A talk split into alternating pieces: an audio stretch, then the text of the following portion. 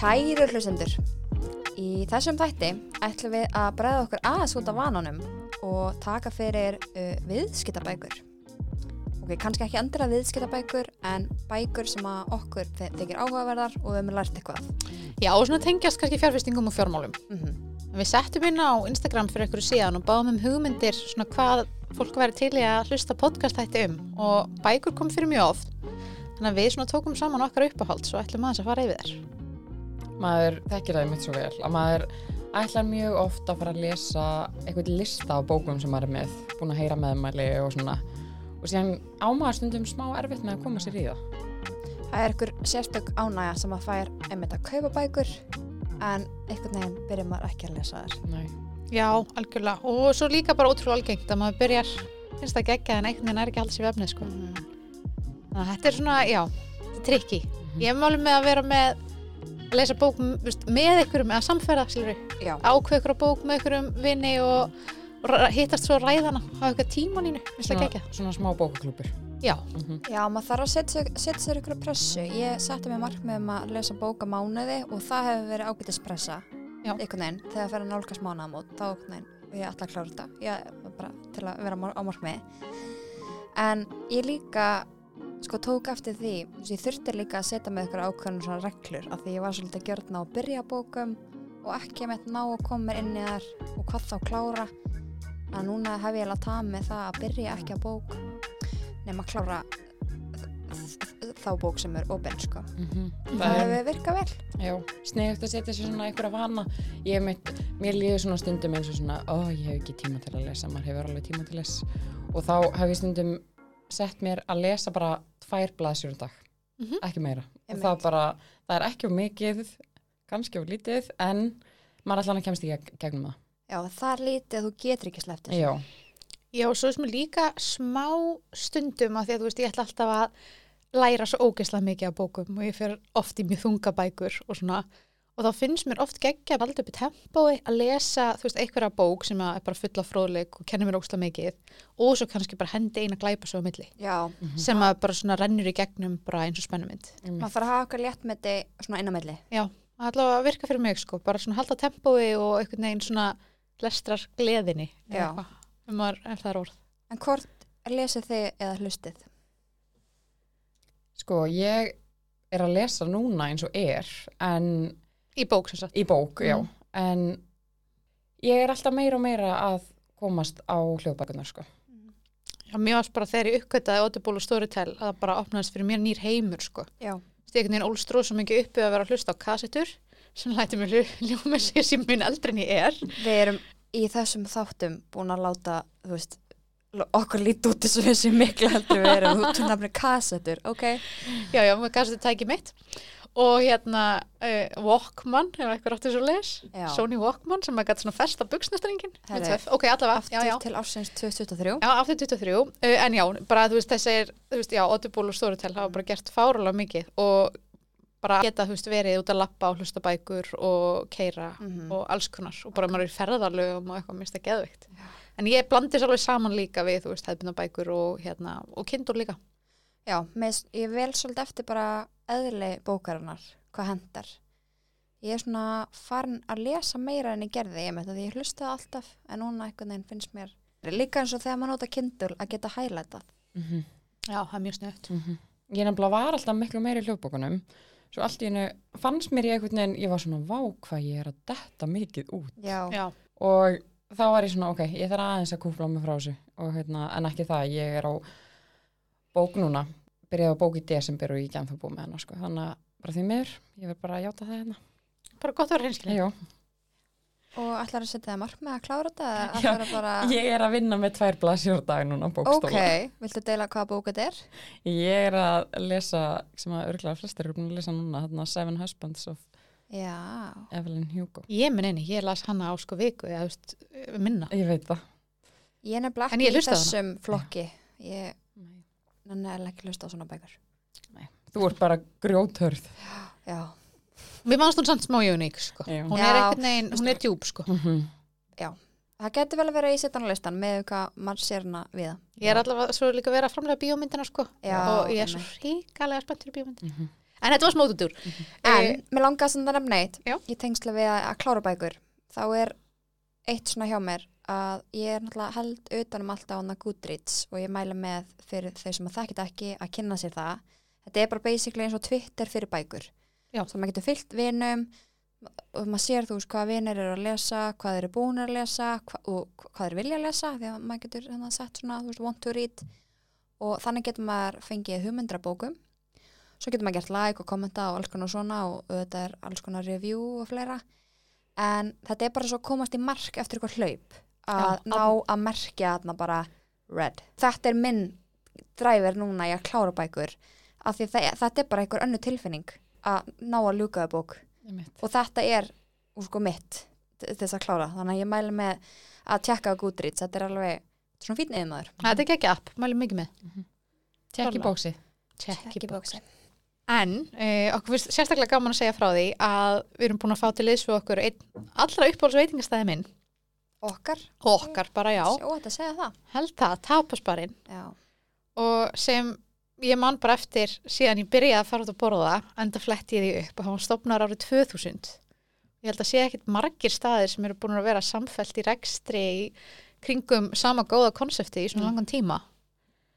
Og auðvitað bara, já, maður á margar skemmtilegar minningar hana, margar þeirra tengjast sangría könnu, ég veit ekki það. oh, Uh, eldus er opið lengjum helgar, geggja að fara í svona leitinir og, og sangríu könnu. það er algjör kostur það eru ekki margir veitingastæðir sem eru opin, opin svona lengi Mjög fáir, þetta er alveg bara enginn í hug. það er heimitt Þetta var bara nákvæmlega sem ég gerði fyrir tveim vikum á föstudegi, fór í leitinir og sangriðu. Ó, næs. Nei, Þetta, ég mæli með og ef það er einhverjar að núti sem hafa ekki prófað, mæli ég svo mikið með já, og ég verð ekki þreytt á því að fara í óvissuferð. það er best Það er líka bara svo gaman að fá að prófa alls konar rétti og þú þarf ekki bara að panta eitt stóran, Nei, sammála. smakka eins meira. Það er Þetta er líka, það er bara svo mikið stemming hana. Skiptir ekki máli á hvaða degið þú ferð, skiptir heldur ekki máli hvort það sé, það er oftast náttúrulega velsetið þegar ég fer hangað, en að því það er alltaf hérna, stemmingsstíð, eða það er orð, er einhvern veginn svo hátt. Sammála. Og bara alltaf gekki tónleis, þannig að auðvitað, maður mætir og auðvitað Mhm. hendur maður sér einu svona gríu að því að það er bara ekki annað hægt. Já, maður þetta er gýrin sko. Það er alltaf að fara okkar allra bestu meðmæli. Bara gæti ekki, gæti ekki mælt meira með og ég er bara peppast þetta upp. Við þurfum að frúta bóra fljóðlega. Já, 100%. Beinustu leið. Til í það. En talandi um annað partí, þá kifti ég te og kaffibönir í kaffivélina mína heima. Geggjöðu kaffevélina. Það, já, í góðu kaffivélina heima og, og það er annað partí. Það er bara, það er fátt jafn gott og þetta moment, sérstaklega með morgunbollanum og það eru góðar gæðabönir Mm og ég er alltaf búin að vera í fæðingarlöfi þannig ég er búin að mastera það hvernig er að, flóa mjólk. Man er ekki tækninni sem þeir nota á, á stöðunum en, en að vera með gæðabönir gerir allt. Og bara, ég reyndar líka vissulega á ekki, á ekki svona góða bauna kaffivél, það er á óskalistanum fyrir árið, en ég er bara með svona espressovél heima. Mhm. Ég elska French roast, bara kaffihilkin, Já, sem eru frá tjókaffi. Ég meitt. Það eru bara mitt go-to núna. Ég mæli mikið með, ég finn mikið mun. Það er lett, þetta er bara í næstu búð þannig að maður þarf ekki að fara langt til að kaupa þetta. Nákvæmlega. Og eins og með kaffið, þetta er eins og með svo margt annað. Bara magn, nei, gæði, gæði umfram magn. Gæði frá magn. Ég held að sé þetta ykkur sam ósamálaðar og vilja freka magnið sko en ég er alveg það líka gæðið umfram magn. Mm -hmm. Talandi um annað partí. Þriðja partíð. þriðja partíð. Þá er það einmitt svona gott kannski með morgunbólanum Mm. að hérna, greining Íslandsbanka, hún býður upp á mjög svona vandaða og bara áhugaverða umfyllun og það er hægt að skrá sig á postlista og þá fær maður sendt korn Íslandsbanka í rauninni, það sem er bara farið yfir það sem er í brennidöfli í efnaðismálunum sko. Ég held ég sé búin að vera á svona póstlista síðan einmitt 1700 og súrkál Já, ekki að- sama hér, það er gaglegt. og einmitt þarna ratar ég inboxið hjá manni verbulguspár og annað og maður eh, ég ætla að hugsa að fólk sem meira pælis núna en gerði fyrir ykkurum, ykkurum árum síðan sko. Algjörlega. Kannski tekur hann hvar skráma sig að búslistan. Já, bara á heimasíðinu hjá Íslandsbanka. Gekkja. Já, það er gott að hérna, geta fengið þetta beint í æð um leið og umfyllinin kemur. Nákvæmlega. Já, og svo sem ég líka, veist, ég ætla ekki að segja að ég nái að fylgjast með þessu hvert einasta skipti sem þetta kemur en það er svo góð áminning að þetta sé og ég er miklu líklegri til þess að að klikka og lesa og allt þetta, hann er að ég finnst það gott aðhald að hafa þetta Einmitt. Þó maður les ekki nema, segjum í einhverjum tilfellum, bara fyrirsögnuna, þá veit maður allan að hvað svona er verið einblín á.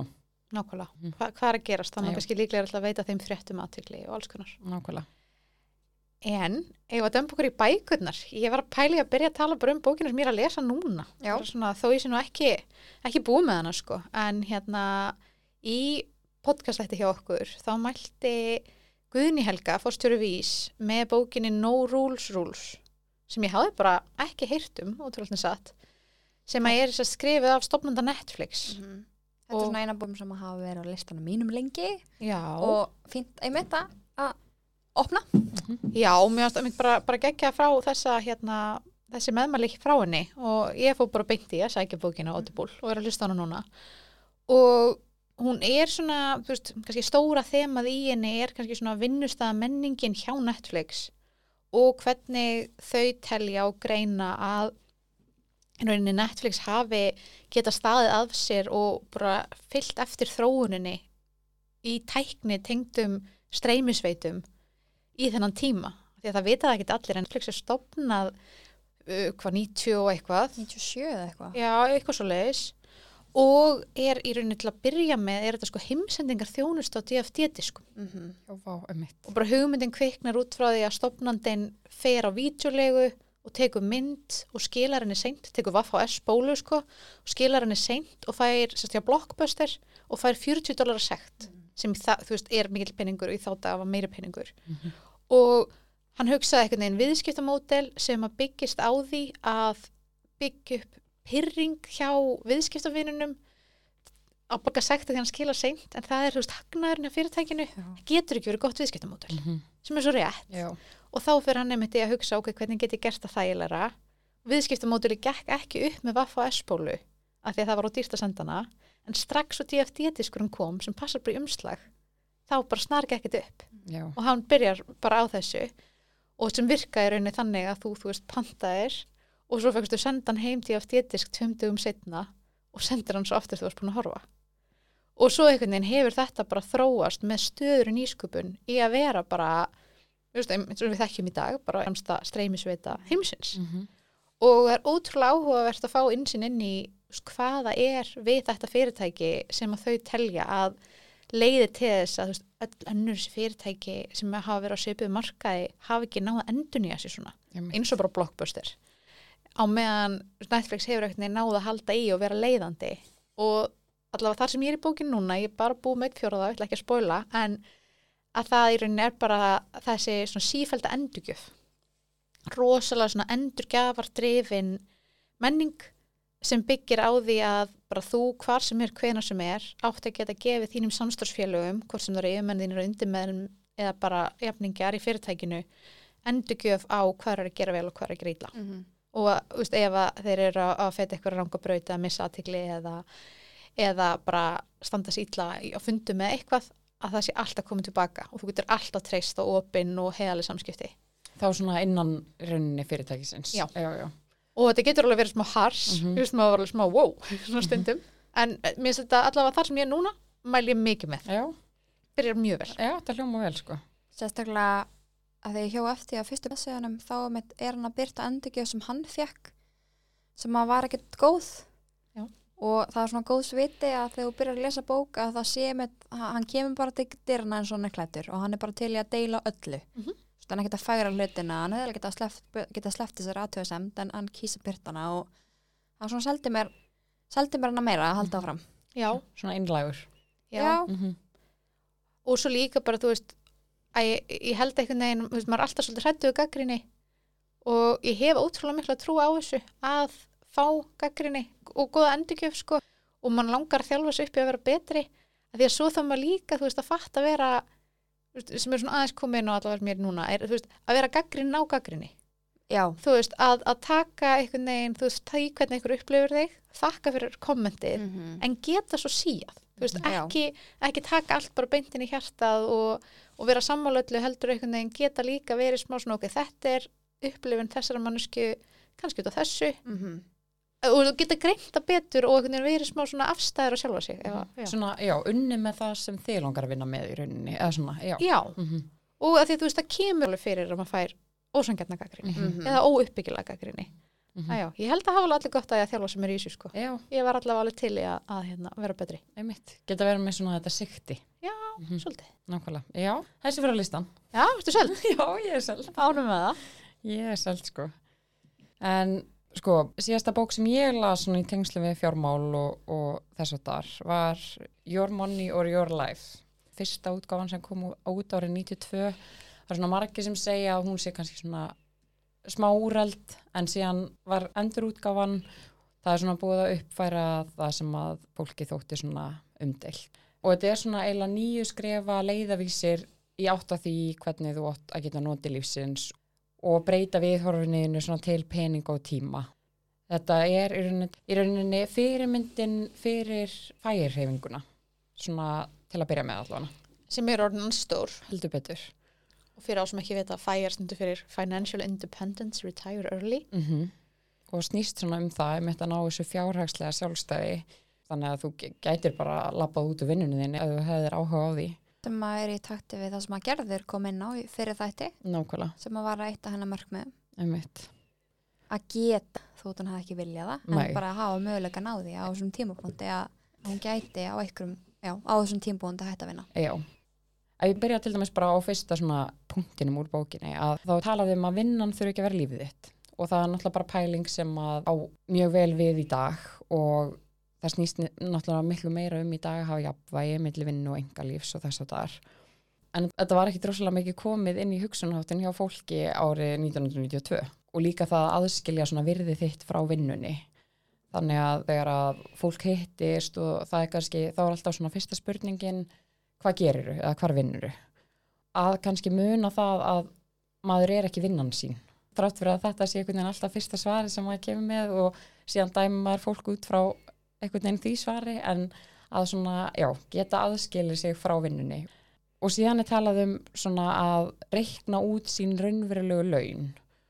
Bara ef þið myndi segja við mig, já, Kristín, hættu bara í vinnunni þinni, þú getur bara fara að gera þetta eigið. Og það var fyrsta sem ég myndi hugsa væri náttúrulega bara ok, nei, ég þarf að greiða af láninu mínu og bílnum og eða fyrir mat og allt þetta. Og þá er sem sagt talað um í bókinni að ef maður tekur öll gjöld ársins saman, sagt allan kostnað sem ég greiða á ornu, þá er einhver x hluti af þessu sem að tengist, sagt er bara kostnaður sem er tengdur vinnunni. Ferðarkostnaður í vinnuna, fötin sem að borgar fyrir til að líta ágætlega vel út í vinnunni og og kannski nuttið sem það fer í út af veðvabólgu og eitthvað svona. Þetta er kannski alveg smá skrítin pæling út af því að maður fyrir kannski að hugsa sjálfur, eða ég hugsa allavega að ok, ég er ekkert til að hætti vinnunni út af því að mér er gott að vakna mótnana og eiga ykkur skildur og þurfa að klæða mig og allt þetta, þú veist. En ég held að þetta er mitt sé svona pælingi með það, þetta fjárhagslega sjálfstæði að eigir möguleikan á því alabút, ef þú vilt og ef þú getur mm -hmm. síðan er það að finna svona sinn svona punkt þar sem að maður veit að maður á nóg og það er svona smá í takt við já, umfylluna sem við höfum tekið í sambandi við svona lífstílsverðbólgu sem er náttúrulega bara þannig að neistan engst samhlega herri tekjum. Þannig að maður getur rosalega mikið bara svona fest í því að lifa frá útborgun til útborgun þrátt fyrir að tekjurna þú veist, einmitt. Svona þessi pæling. Og við tókum hana líka mitt með gerði smá. Já, svona að skilgrana maður þarf og hvað maður langar. Já, einmitt. Líka svo punktur að svona, já, það er talað um að trýta hver kaup sem orku. Mm. og þannig að þeir tala svona um að peningar séu lífsorka þannig að í staðin fyrir að horfa á peninga sem peninga að þá er þetta, þú veist, eins og með tíman. Hugmyndin á baku þetta er í rauninni bara að það er miklu auðveldara að eyða peningum ef maður er ekkert að pæli í hvernig maður er að eyða þeim eða hvernig maður var virkilega að sapna sér fyrir þessu, þú veist, er ég að eyða tvekja tíma vinnu í einan flotta jakka sem ég sá. mm -hmm. Mm -hmm. akkurat Ég get ekki sagt kannski þessi sammála öllum þessum pælingum, en þú veist, þetta er samt alveg svona, þetta vekum mann mjög mikið til umhugsunar og margt svona sem er einmitt bara gott að hafa bak við eirað og það er kannski einmitt með svona þessi fjármála fræði að maður kannski eitt sammála öllu, en þetta er samt svo góð áminning. Mm -hmm. Klálega maður líka bara tekur til, til sín það sem að mann nefnir þykir áhugavert Já, en líka því hún nefnir þetta er svona hjálpa mann að setja hlutina í samengi mm -hmm. við erum í vinnunni 8 tíma á dag sem því að við erum að eyða dýrmætu tíma í vinnunni Mhm.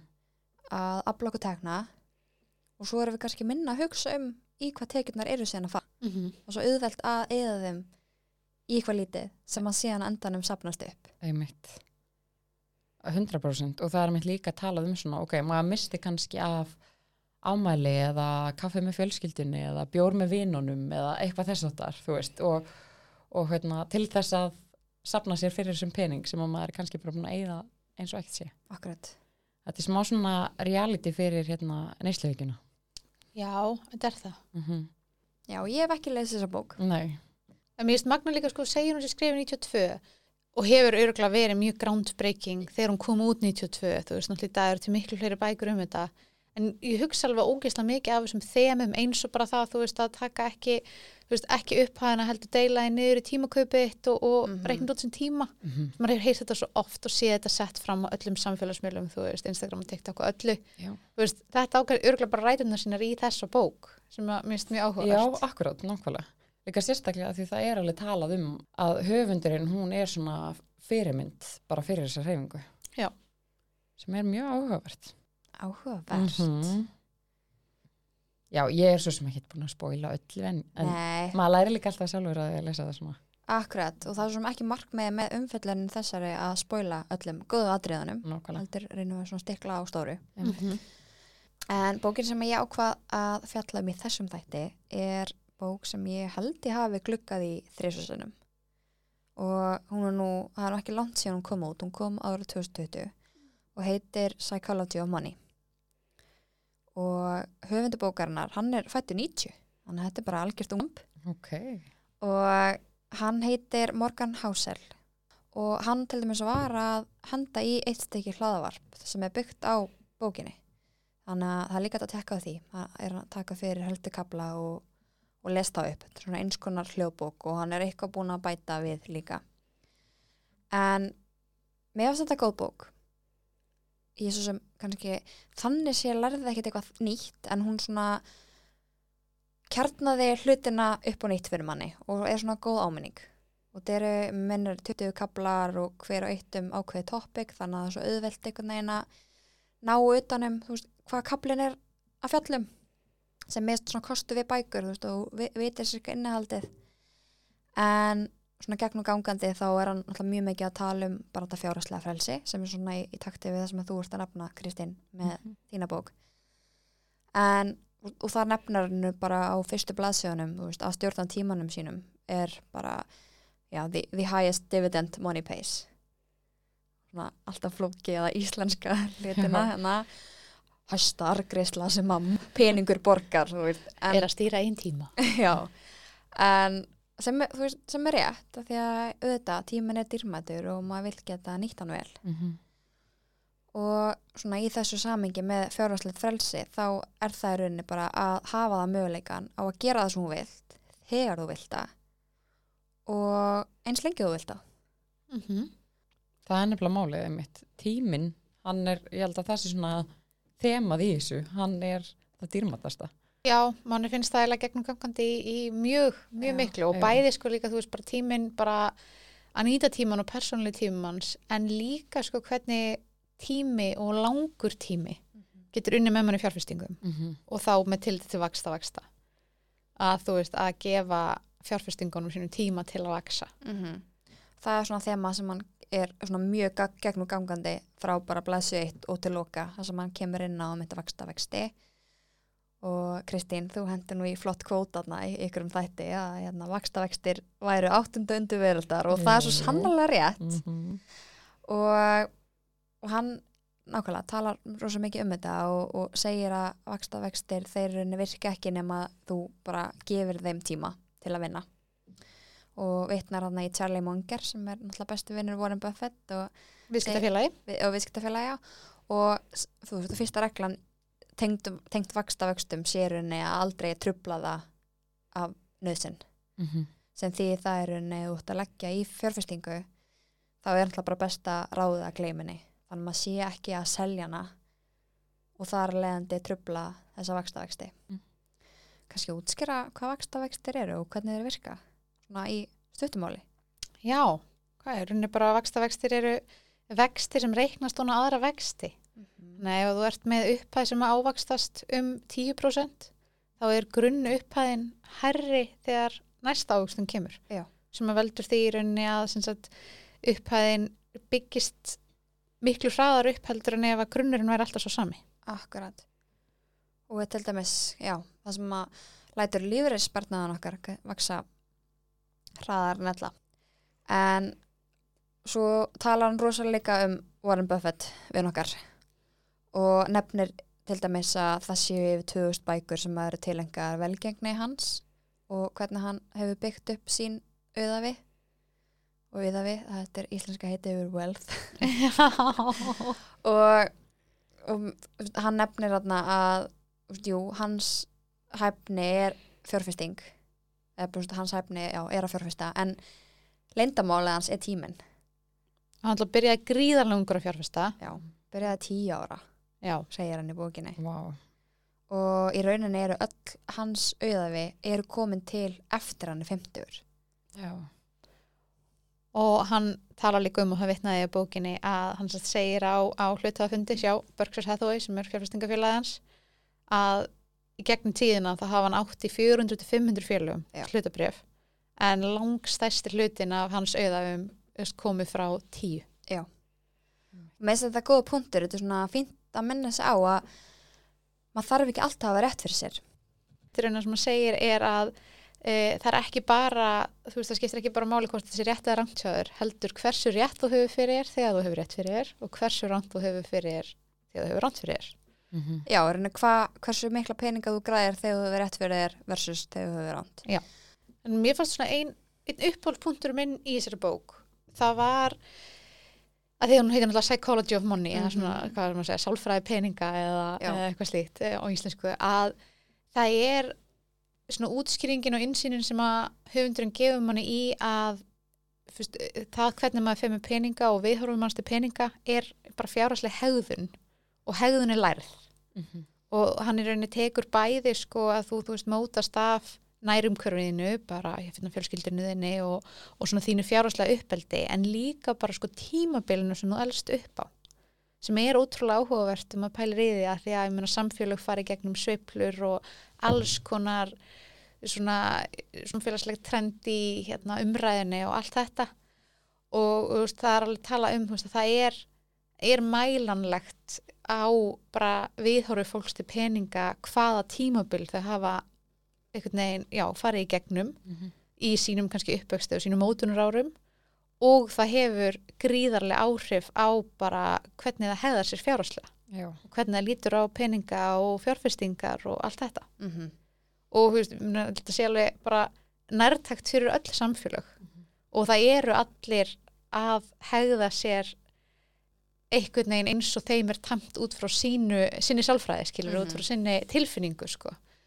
Þannig að það er svona, já, mér fannst þetta áhugaverð pælingi en veist, þetta er kannski common sense en mér fannst þetta einhvern veginn svona ah, ok, Já, þetta er samt einmitt það er svo gott við margt í tengslu við þetta að þetta er bara svona áminningin einhvern veginn eins og bara það að segjum að maður væri einn að tala við einhverju ömmu og afa þú veist, og þau eru bara með ósörlátt allt öðruvísi hugsunarhátt oft gagvart peningum heldur en kannski já, kynnslóðin sem er að alast upp núna af því að við höfum það þannig sé alltaf betra og betra en hann gæslappa af því að þau þur, kannski þurft að alast upp í hérna torfkofa og allt þetta. Bara mögnu þróun og sund tíma. Já, já, og búin að fara gegnum allar þessar byltingar og allt þetta og bara magnað að hugsa hvernig, einmitt, þetta hefur 100% áhrif. Og inn í þetta spilar ótrúlega mikið sem að við höfum mikið rættum og pælt í og, og er okkur tamt að tala mikið um okkar á milli og það er veist, þetta bara með fjármálalæsi almennt. mm -hmm. Ég sjálf er og við upplöðum allar og maður sér bara fólki í kringu sig og þetta hefur virðist í miður verið lítið að breytast en bara hvað fólk er ótrúlega háð nærumkjöru sínu þegar kemur að skilninga fjármálum. Veist, það er ekkert neginn, það er, er lítið kent, það er erfitt að nálgast þessar upplýsingar og grunnskilningurinn til að byggja ón á er bara ofta ekki til staðar. Mhm. Þannig að, þú veist, og sérstaklega ef maður hugsaður þetta í sko stóra saminginu út frá samfélagsumræðinni og svo er kannski einhverjar misvísandi upplýsingar í umræðinni sem þyrft að útskýra betur en ef þú ert ekki með það í nærumköruninu, hvort sem það er í fóruldrunum eða uppalendum eða einhverjum nánum að þá kannski bara elstu upp og, með mikla ranghugmyndir sko. Eða, eða þú veist, kannski ekki ranghugmyndir en, en svona skertan skilning Mhm. akkurat. En líka bara umræð veist, það er eitt að auðlast peninga og svo er annað að viðhalda þeim. Það er rauninni erfiðar að viðhalda þeim heldur en að eignast á. Og það er rauninni hefur ekkert með að gera hvorki sko tekjur eða ávöxtun heldur miklu meira sko hvert þitt sparnar hlutfall er. Mm -hmm. Af því að fókusun okkar snýr en alltaf hvernig getum afla okkur tekna frekar en að hugsa um sko einmitt hvert er sparnar hlutvallið og, og hvernig hugsa ég um útgjöldin mín Mhm. hvernig gerum við meira úr því sem við eigum Já. Þannig að, að mér finnst hún mjög góð og hún er svona, ég held hún sé líka einstaklega fín fyrir kannski aðala sem að hafa ekki lesið margað viðskiptabækur. mm. Ef þetta er svona nýtt að nálinni þá myndi ég þetta að vera bara mjög, svona, mjög góða bók.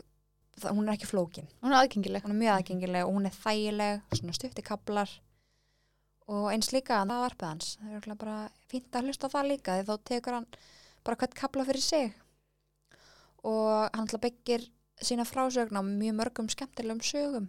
eins og bókin heitir það er svo margt sem tengist peningum sem að er svo mikið sálfræði Já. já eins og við tölum bara mikið um áhættu þól já, og bara hvað er ótrúlega personubundið einmitt Akkurat, og bara hvernig þú bregst við aðstæðum, bara eins og núna þegar markaðurinn er búin að vera mjög blekendur, þá þarf maður að vera með töðar mm -hmm. til þess og hausinn á réttum stað og um það snýst þetta. maður getur verið eldklár og búin að sanga sér allir þekkingu en ef maður einmitt hefur ekki þú veist, hausin í lægi þá er þetta erfitt mm -hmm. það er algjörlega þannig en sko ég fór aðeins í bókina sem ég var að lesa sérst, er að lesa þessa stundina en nú hrista stelpunar hausina því að ég, ég hætti ekki að tala um þessa bók eh, sem er bara búin að vera svona uppáhalds, uppáhaldsbóki mín sem ég lesi síðust ár.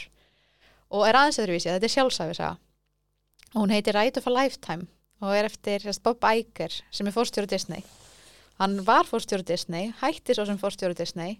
Það gekk ekkert upp án hans. Þú veist að flauta minn mann afturinn ah, aftur í fórstjórastólinn eh, þetta er maðurinn sem að rósaði með mynda á honum á desktopinu sinu al, sko, ok, ég, ég vil taka fram það er ekki mynd á desktopinu en ef ég væri með mynd á desktopinu þá væri að mula hann en sko í þessu í þessum forstjóra stólaleik þá náttúrulega tekur Bob við að Bob sko. Já, það var skipt út Bob fyrir, og svo kom aftur inn gamli Bob. Já, þannig að maður er eitthvað beti Bob aftur fyrir Bob. Beti, ha, hm, litli fjölbreytileikin litli fjölbreytileikin en, en hann Bob Iger uh, er hérna já, mér finnst þetta, mér finnst þetta mjög skemmtileg sjálfsæðu og hún er rauðað, þú veist, hún er, er gríðarlega velskrifuð og, og hérna svona einhvern veginn hátt spennustug í henni og hún er að fara yfir yfir hérna magnaðan feril og magnaðan fyrirtæki, Mhm. þú veist, þetta er einhvern veginn Disney bara að tengja flestir eitthvað við Disney ég tengi mjög mikið enda, enda alveg upp af miklum Disney mynda tíma. Algjörlega. Og mér finnst þetta bara ótrúlega áhugaverð insinn inn í fyrirtækið. Og alveg sérstaklega, þú veist, ef maður hefur áhuga á fyrirtækjum og fyrirtækja menningu og líka bara yfirtökum og yfirtöku fyrirtækjum.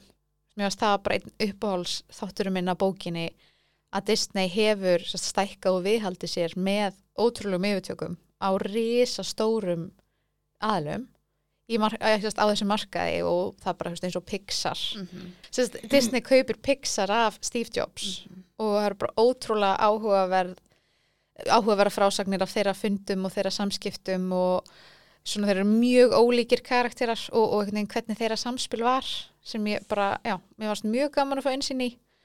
Og taka líka yfir Lucasfilm sem að gera Star Wars og Marvel og allt þetta. Já, og að bara fara yfir, þú veist, einhvern veginn, já, hvernig, hvernig það tókst svo, þú veist, að innvinkla þetta inn í menninguna hjá Disney og, og búa til eitthvað margfald stærra og betra út úr því. Disney Plus er líka ekkert með eðlilega gott úrval Já, nákvæmlega og það er mitt líka, þú veist, eitt af því sem ég bara tala mikið um í bókinni, það er áskorunin sem Disney Plus var. mm -hmm. að því náttúrulega með streymisveitum þá er verið að gjör bylta bara öllu viðskiptamódul fyrirtækisins og að taka það ákvörðun snemma að í rauninu meðan það gengur ennþá vel með hitt að sjá bara fram í framtíðina og Mhm. hugsa bara, herði, ok við getum verið eftir á og við getum fara að elda þetta eða við getum verið á undan. Akkurat.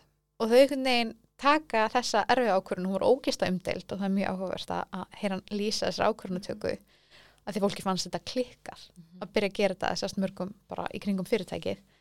En að einhvern veginn keira á það er magnað og hann er með talar um það sem svona stórt þema í bókinni það er bara að taka stóru sjansa já, og hann tala líka mikið um bara bjart síni eða jákvæðni, þú veist, að bara að þú veist, að stýra með jákvæðni og þú veist, að vera fyrirmynd með jákvæðni að vera einhvern veginn, það er enginn að fara að elta svart sínis neikvæðni sekkin sko Einmitt. og þú veist einhvern veginn ekki að fara að, að ná að veita fólki kvartningu og ná fram því besta í fólki Það er öruglega komið honum langt. Eða þangað sem hann er, sko. Mhm. Já, þetta er einhvern veginn ógeðslega einföld skilabóð skilur Mhm. og þetta er mjög mikið common sense en þetta er samt svona eitthvað sem maður hugsa út í að ég held líka þú veist, að oft horfum maður á eitthvað svona jákvæðn og bjart síni og eitthvað eins og það sé eitthvað það sést eitthvað ekki alvarlegur eða, eða þú veist að það sé eitthvað hérna, þá sést ekki raunsæri eða eitthvað en það, ég held að þurfa ekkert að vera þannig Nei. það þarf ekki að vera annarkvort eða þú getur verið verið raunsært og tala um vandamálin en samt verið með lausnirnar og, og hugsa þetta þannig sem verkefni en ekki bara vandamál sko. Svo erum við svona, svona tvo aðra punktar sem ég langar að taka úr, úr bókin það er sagt, bara svona miklu púðri eitt í að tala um bara virðingu fyrir fólki og mannlega þættinum Mhm. og svona færi svona rauk fyrir því að þú veist bara eins og til dæmis yfirtökur bara það að kaupa reysa fyrirtæki og sérstaklega þegar þú ert að kaupa það af stopnanda Mhm. að þá er þetta bara þetta er bara nummer 1, 2 og 3 persónuleg viðskipti veist, þetta er bara að tengjast manneskjunni og að skilja hvernig hún virkar og hvað hún er að leita eftir og, og einhvern veginn bera virðingu fyrir uh, vinnunni og manninum og, eða manneskjunni já. og hérna, mér finnst það einhvern veginn svona skemmtileg skemmtileg búningur að setja í þú veist, þetta er bara fólk Mhm. þú veist, fyrirtæki er bara fólk Mhm. og þetta er einhvern veginn mannlegi þátturinn spilar alltaf að þenni mér finnst mjög skemmtilegt að heyra þetta. Já. Gleðið mér smá að heyra einmitt að þetta sé ekki bara, veist, hann hefði alveg geta sagt bara, já, þetta snýst bara um alvöru viðskipti og Mhm. þú veist, maður þarf bara að vera grjótarður og einhvern veginn, já, að hugsa um mannlega þáttinn, þú veist, þetta er á sérstaklega samskipti, þú þarft að koma vel fram eða vel fyrir, eða þú veist, Mhm. þess aftar. og bara þú veist og þú veist, fólk þarf að treysta þér og Mhm. þú þarft að, að einhvern veginn vera Þarft að fá fólk á þitt band. já, vera Mhm. relatable. Mhm. maður, já, segi það. Já, Já, Eh, hann er svona góð blanda af sko að vera auðmjúkur en samt ekki að nota orðið harðir en ákveðin klárlega ákveðin og þú veist, hann er, þetta er alveg tekið greiðlega margar stórar og umdeildar og, og allt þetta ákvarðanir og, og allt þetta sko. En einhvern veginn svona já, og hún segir svo mögulega er þetta bara ógisla velskrifi bók sko, en, en hérna, maður tekur það alveg inn í en ég allavega hafi gaman að henni og svo er e, talar sast mikið um, ég ætla, að koma að þessu að, hérna, tala mikið um tilvitnun í Theodore Roosevelt mm. sem heitir The Man in the Arena hvað maður segja, maðurinn á leikvanginum eða eitthvað líka og ég veist, veit ekki eitthvað hvort að, þú veist, að teng, ég, veist, ég tengdi bara eitthvað ótrúlega mikið við við þessa umfyllin og hérna e, veit ekki, veist, það hefur bara verið, tíminn sem hún kom eða eitthvað. En í rauninni þetta er bara tilvitnun sem að hann er með rammað inni hjá sér og er veist, mikið um og allir starfsmenn Disney þekkja og allt þetta. Og gengur í rauninu bara út á og ég kannski bara mælu með að googla hana, ég ætla ekki að fara að lesa hana, hún er heil löng sko, en hún gengur bara mjög stuttu máli út á það að það er bara miklu auðveldara að vera áhorfandi upp í stúku og fylgjast með og gaggrinn aðra heldur en að vera manneskjan sem raunverulega stendur í baróttunni Vá, og hérna og að það sé í rauninu bara betra að tapa með sæmt og gefa allt sitt í slægin heldur en að vera aldrei í baróttunni og þekkja hvorki að sér henni tapa Mhm. Vá. Búm. Já, ég allavega, já, þetta er svona eina af þessum bókum sem bara situr mjög í mér og ég hef enga útskýringu á því af hverju. Vá, þetta er alveg svona kvót sem maður getur bara haft á náttborunni, sko. Já, ég er alveg sammála og ég, þú veist, hugsta stundum ef maður fær gaggrinni fyrir eitthvað sem maður gerir Mm eða ég sé, þú veist, fólk sem er í samfélaginu, bara hvort sem það er í stjórnmálum eða taka þátt í umræðinu eða eitthvað, fá gaggrinni, þá hugsa ég stundum, herru, þessi manneska er allavega í baráttunni, hún er að gera eitthvað. Akkurat. 100%. þannig að hérna, veist, hún er að gera eitthvað sem hún hefur trú á, bara áfram gakk Mhm. Já, og aðalinn sem er að gaggrina er heima sér að poppa. Já, nákvæmlega. En ég elska þegar bækur svona tengjast af því að ég man þegar ég las bókina þá fannst mér svona ske sérstaklega skemmtilegt að lesa um samskipti hans við Steve Jobs og bara svona þetta einstaka samband sem að byggðist þeirra á milli í viðskiptum en líka því hafði ég náttúrulega bæði lesið bókina eftir Steve Jobs bara yfir sögun hans og svo Creativity Inc. sem er um Lucasfilm og, og Pixar og mér fannst hún bara geggjuð og og það var svo gaman að fá sko þriðja sjónahörnið á sömu samskiptum og hafði verið líst í þessum tveimur bókum. Já, einmitt. Þannig að mér finnst það, já, mér finnst það svona kannski skemmtilegasti parturinn af því að það var margt sem maður hefði hýrt áður og vissi af en þarna var maður að fá algjört, veist, annað sjónahörn Já, á já. aðstæðunar. Mm Þetta var svona eins og, já, þetta væri svona þríleikur. þú- Já, það já. var svolítið þannig, Mhm, svona og að horfa á bíómynd, Mhm. nema að þú ert bara að lesa um, lesa um atbyrðin. Nákvæmlega. bara að því þú nefnir þetta þá hugsa ég smá úti og ekki það, það ætlaði ekki að vera eitthvað sérstætt umfynnarefni hjá okkur en mér finnst það smá vera uh, svona tengjast við bækurnar sem er skrifað um fjármálafrinnið Já, Þú veist, ég allavega ég þú veist, hef bara í gegnum tíðan og núna síðustu ár lesið flesta bækurnar sem hafa komið út. Uh, hvort sem það er hérna uppgjör bankamanns eftir Láru Svelding eða Málsvörn eftir Jón Ásgeir eða. Æmtiraeyna eftir Almar Þoróldsson og veist, það eitthvað neginn í bland við fréttir mm sérstaklega kannski að því að veist, við erum í rauninu brólingar þess þegar þessi atbyrður eiga sér stað og hérna maður einhvern veginn hefur ekki kannski heilstaða mynd af þessu og, veist, og mögulega fær aldrei heilstaða mynd af þessu en mér finnst það ótrúlega áhugavert að fá ólík sjónarhóttn og, og hérna einhvern veginn tengja saman og þú veist það er oft verið að tala sömu daga og sömu stóru atbyrði en bara út frá mismunandi vinklum. Já.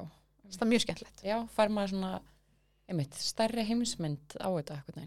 Já, allavega svona viðtekara sjónarhótt Mhm, og svo mhm. þetta bara hérna já, eins og ég segi, þú veist þetta, það, er allt, það er allt byggt á upplifunum hvers og eins og allt það, en þetta er bara ótrúlega já, mér, ég er alltaf búin að hafa gaman að þessu Já, líka taka sko frétta útflutning út fyrir svega og þarna lesa þá bara raunverulega frásögn og upplöfun hjá Mhm. þeim mm -hmm. og þetta er einmitt þrenna bækur sem að er fyrir þá bóka þyrsta er, er, er fín á listan og þesstaklega svona ævindriðan Einmitt. svona kannski með svona mesta léttmetið af þeim öllum, öllum. en hún fjallar um uppgang og, eða bara stopnun og uppgang kaupþings. Já. og ég hafði til dæmis mjög gaman á ævindriðinni og fóð svona einsinn inn í bara þannig gríðarlega metnað sem átt sér stað mm. bara með í uppbyggingu á fyrirtækinu. Já, og titillin svona ber innihaldið ansi vel, bara ævindriðan þetta er mjög skemmtilega frásögn hjá honum og bara velskriðu bók. Já, og það er ótrúlega gaman að finnst allavega áhugaverst að setja að því að sko, ég las hana frekar stuttu eftir að við gáum út þátt sem heitir markaður í mótun sem fjallar henni bara um bara stikla á stóru sögu íslenska hlutabröðamarkaðarins og þetta er magnaður uppgangur, það er bara ekki hægt að segja hana Mm bara ekki hægt að neyta því. Á stundin tíma. á stöttum tíma. og bara fyrir litla Ísland. Já, Mm þetta er ótrúlegt. En einmitt, fyrir þá sem að eiga kannski í smá vandræða með að byrja á einni bók, já, að þá er nú gott að búa sér til ágæta venjur. Já. og þess vegna vildum við bara rétt svo koma inn á bókina Atomic Habits sem að tala einmitt um svona hvernig er þetta að gera litla breytingar á lífinu með því að búa til góða venjur og fjarlæga svona þessa slæmu. Já, og hugsa um líka svona aðferðnar sem maður notar við þess að byggja upp vennjur nákvæmlega svona svipa með markmið, það er eitt að setja sér markmið og Já. annað að hugsa sko hvernig ætla ég að ná þeim já, og það er eins með venjurnar sko Einmitt. mér langar einmitt að reyna að taka vítamínum og mín, vítamínin mín á hverjum eins og degi en hvernig ger ég það, þú veist, þau þurfa að vera fyrir frá mig eða ég ætla að fara í ræktina þá Já. þurfa ræktafötin að vera fyrir frá mig Þú Einmitt. veist, svona alls konar svona svona hagni dráð sem að maður er svo mikið tilengja sér eftir lesturinn Já, og hún talaði um að flétta saman venjum. Já. Sem er ótrúlega einmitt. Það er eitthvað sem er fast, eins og bara, þú veist, vonandi allir, þú veist, að tennunar á kvöldin. Já. En þú veist, að vera þá með vitaminin við hliðina á tambustanum. Já. Eða mótana. Eða, þú veist, eitthvað svona sem þú gerir Mhm. hvort sem er, nákvæmlega. og líka það að svona kannski hafa svona einhverja gulrót fyrir því að þú sért að búa þér til hennan vara- vana Mm -hmm. eins og segjum það bara við langar sterkari neglur eða eitthvað og þá þarf ég að taka vítamin Mm. og þá verð ég að hafa vítamin fyrir fram mig þegar ég vakna á mótana Já, að venjuðar hafi tilgang. já, Já. og svo er líka talað um einmitt að skrifa þetta niður og haka við nærði þessu og eins og er, er bara með markmiðin þegar maður setur sér þau að maður þarf einhvern veginn að skrifa þetta niður og hafa þetta fyrir fram að sig Já, og sama með þessa bókan sem margar, það er mikið common sense í henni, mm -hmm. geggju áminning, já, mér er mjög fínt að hún er frekar stutt. Já. Ég hef hlustað á hann oftar en einu sinni, bara eitthvað svona, þú veist, frekar heilalust mm út í göngutúrum og eitthvað svona og mjög góð áminning svona kringum áramót. Já. svona einmitt þegar maður vill smá núlstilla sig, byrja eitthvað staðar veit ekki alveg hérna, hvar maður á að byrja Já. það er þetta mjög, mjög góð bók Mér finnst líka, það sem er gott við hana er að hún er svo, svona, hvað sem er, svona relatable, það er svo auðvelt að hlust, eða svona lesa hana og tilenga sér hlutina. mm -hmm. Því að maður hefur oft lesið um alls konar, æ, þú veist, þið veitir hvernig þetta er, bara vakna kljóðan sex og gera þetta og þarna árangri og eitthvað í þá áttina. Mhm. og, Og- huglega og lesa Já, og þú veist, gera allt bara fyrir kljóðan sjö á mótnana mm -hmm. og já, þú veist, svo bara, maður les og svo klárar maður bókina og hún, það situr ekkert eftir. Mhm. en með þessi hún er svona auðveld og hún, hún er góð leðavísu og, það er auðveld að fara eftir því sem maður er að lesa. Já, og finna eitthvað fyrir sjálfa sig til þess að tengja við. Já. Mhm. en mér finnst fyrst að Rósa er búin að tala um Sit Obsession sem er Bob Iger. Þá verði ég að minnast á um, tvær bækur sem að mér finnst eila persónulega bara að standa upp úr á mínu bókarlista bara síðustu tvö árin.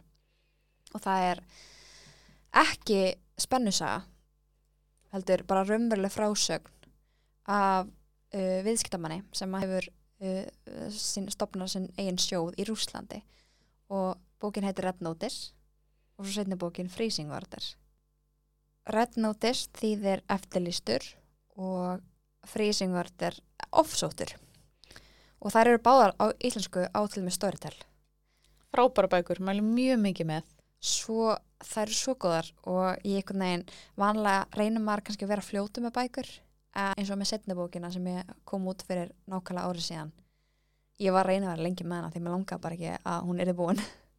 Það er bara ótrúlega áhugaverð innsýn inn í, og sérstaklega náttúrulega bara eins og tíma þannig eru núna, já, bara inn í og í rauninni uh, Bill Browder byrjar sitt viðskiptaveldi í Rúslandi við, þegar Sovjetríkin eru að liðast í sundur og það er engavæðing á, á eignum Sovjetríkina og þetta er bara, þetta er ótrúlega áhugavert, þetta er svo spennandi.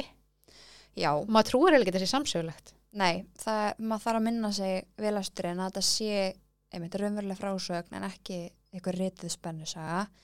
Og það er alveg ótrúlegt að hann hafi séð á þessum tíma sér hann bara tækifæri herðu, einmitt, ég ætla að færa til Rússlands og stopna vonarsjóð og hann alltaf næri að efnast rosalega á þessum aðstæðum og ég held að sé óhætt að segja að þetta er einn af það er alltaf, já, fyrir gegnum hennan æventýrlega uppgang og lendi síðan á kantu Pútin Já. og það er óhætt að segja að þetta sé einn af fáum svona andstæðingu Pútin sem er á lífi Já. Mhm. og bókin svona, þú veist, báða bækunar varpa ljósi á bara rústnenst efnarslíf Já. og bara gefur nokkuð góða sín inn á það hver actually stjórnar. Og náttúrulega varpa ljósi á rosalega spillingu. Og hjálpa manni að setja sig í stöðuna bara ef- hvernig Rússland virkar yfir höfuð. Og já, sérstaklega á, tímum sem þessum. Já, mælum vægast sagt mikið með. já, og, og sko setni bókin hún er svo ótrúlega nýlega hjá honum. Maður maður er að lesa um bara rosalega nýja atbyrði í þeirri bók og hann til dæmis kemst, eða hann að afhjúpar stærsta peninga þá hætti smál bara held ég bara sögunar hérna hjá Danske Bank. Já, og ég manlega þegar þessi umfyllun var hún var ansi viðamikil hérna heima og, svona, maður kannast aðeins við efnið þegar maður síðan heyrði hann vera að segja frá þessu þannig ég mæli með af því hún einhvern veginn, hún samina svo margt. Þetta er svona viðskipta tengt en þetta er líka raunveruleg frásögn, þetta er æfisaga og gefur manni einsinn inn í heim sem að maður kannski þekkir ekki nægilega vel. Mm þannig að Þetta var dundur samantækt hjá okkur stelpur. Já, Já, og svo eru þú veist auðvitað til alveg endalust af bókum sem að þú veist hefur verið bara fjallað svo ótrúlega mikið um sem kannski margir búast við að vera að heyra einhvern veginn, þú veist, um hérna. Það er svona, ég hugsaði þetta alveg, þú veist, við erum ekki að taka eitthvað svona random book on Wall Street eða Liar's Poker eða nei, allt þetta. E, Eða Rich Dad Poor Dad. já, veginn, við svona svo, smá kannski tókum meira, hvað kom að segja, nýri bækur Já. og eitthvað sem við erum með svona fest í hausnum. Einmitt. já, og- ekki svo típisku fjármálabækur, ef maður orða það þannig. Já, Þið getið alltaf fundið þær samt. Já, og við höfum alveg verið með highlights og við erum líka með posta um alls konar bókamæmali og svo líka höfum við fengið fólkur atvinnulífinu til að deila með okkur sínum uppáhaldsviðskiptul bókum. Já, Það er líka á Instagraminu sem er mjög gaman að flætti gegnum. svo er þetta ekki hægt að vera með bókaþátt á þess að minnast á meðsölu bókina sem að við erum vissulega höfundar af. Hvernig gáðum við glimt henni? Hvernig gáttu við glimt henni? Nákvæmlega. En hún er ennþá aðgengileg eh, þegar við ákvæmum að fara í endurbrendin þannig að það er að nálgast hana bæði á heimasíðin okkar Fortuneinvest.is já, og í Eymundsson og öðrum bókabóðum og hún er mjög góð að leiðavísir uh, varandi bara skrefin og hvernig markaðurinn virkar og hvernig maður á að byrja sig af ef mann langar að stíga þessi skref Nákvæmlega. Við mælum mest með henni. já, hún er á list, hún er á efsta lista Næsta lista. Lesum hann að reglu lifi sjálfar. En svona kannski að lókum þó að mér langi ekkert að ljúka þessum þætti því að ég finn núna einhvern veginn að mér langar að neymdroppa miklu fleiri bækur en sko ég verða að nefna í svo samingi Sjúdog sem er æfisaga uh, um stopnanda Nike og ég nefna hana af því að ég var bara núna að horfa á ER myndina sem er í bíó sem að fjallar um þegar að Nike uh, semur við Michael Jordan og breytir algjörlega gangi fyrirtækisins. Og ég geti samt ekki sagt að bíómyndin rými við bókina, mér fannst bókin fáránlega góð Mhm. og eins og með aðrar önnu fyrirtæki sem að hafa vegna vel. Það er þarna býra baki bara rosaleg vinna og langur tími í uppbyggingu. Og mér finnst hún bara geggjuð. Ég vil bara fara að lesa hana aftur, mér fannst hún svo æðisleg, þannig að geta ekki sagt að myndin hafi svona fangað sumu hughrif og maður fekk við lestu bókarnar en enga sér, þú veist, mér finnst myndin góð og, og það er þetta bara svona punkturinn að taka djarfar ákvarðanir. Og, og, og þurfa að standa með þeim og svo náttúrulega kemur í ljós hvort þar hafi verið réttar eða ekki og í þessu tilveiki bara 100% rétt og kom næg á þennan stall sem að það hefur haldið sér síðan þá. Bara guðis lof fyrir þessu ákvörðun, sko. Já. Er ekki ef við förum í ykkur aðra séri af þessum hraðvarpi, hvort við tökum hérna fjármáli í Körubólta Nákvæmlega. Nákvæmlega. Ah.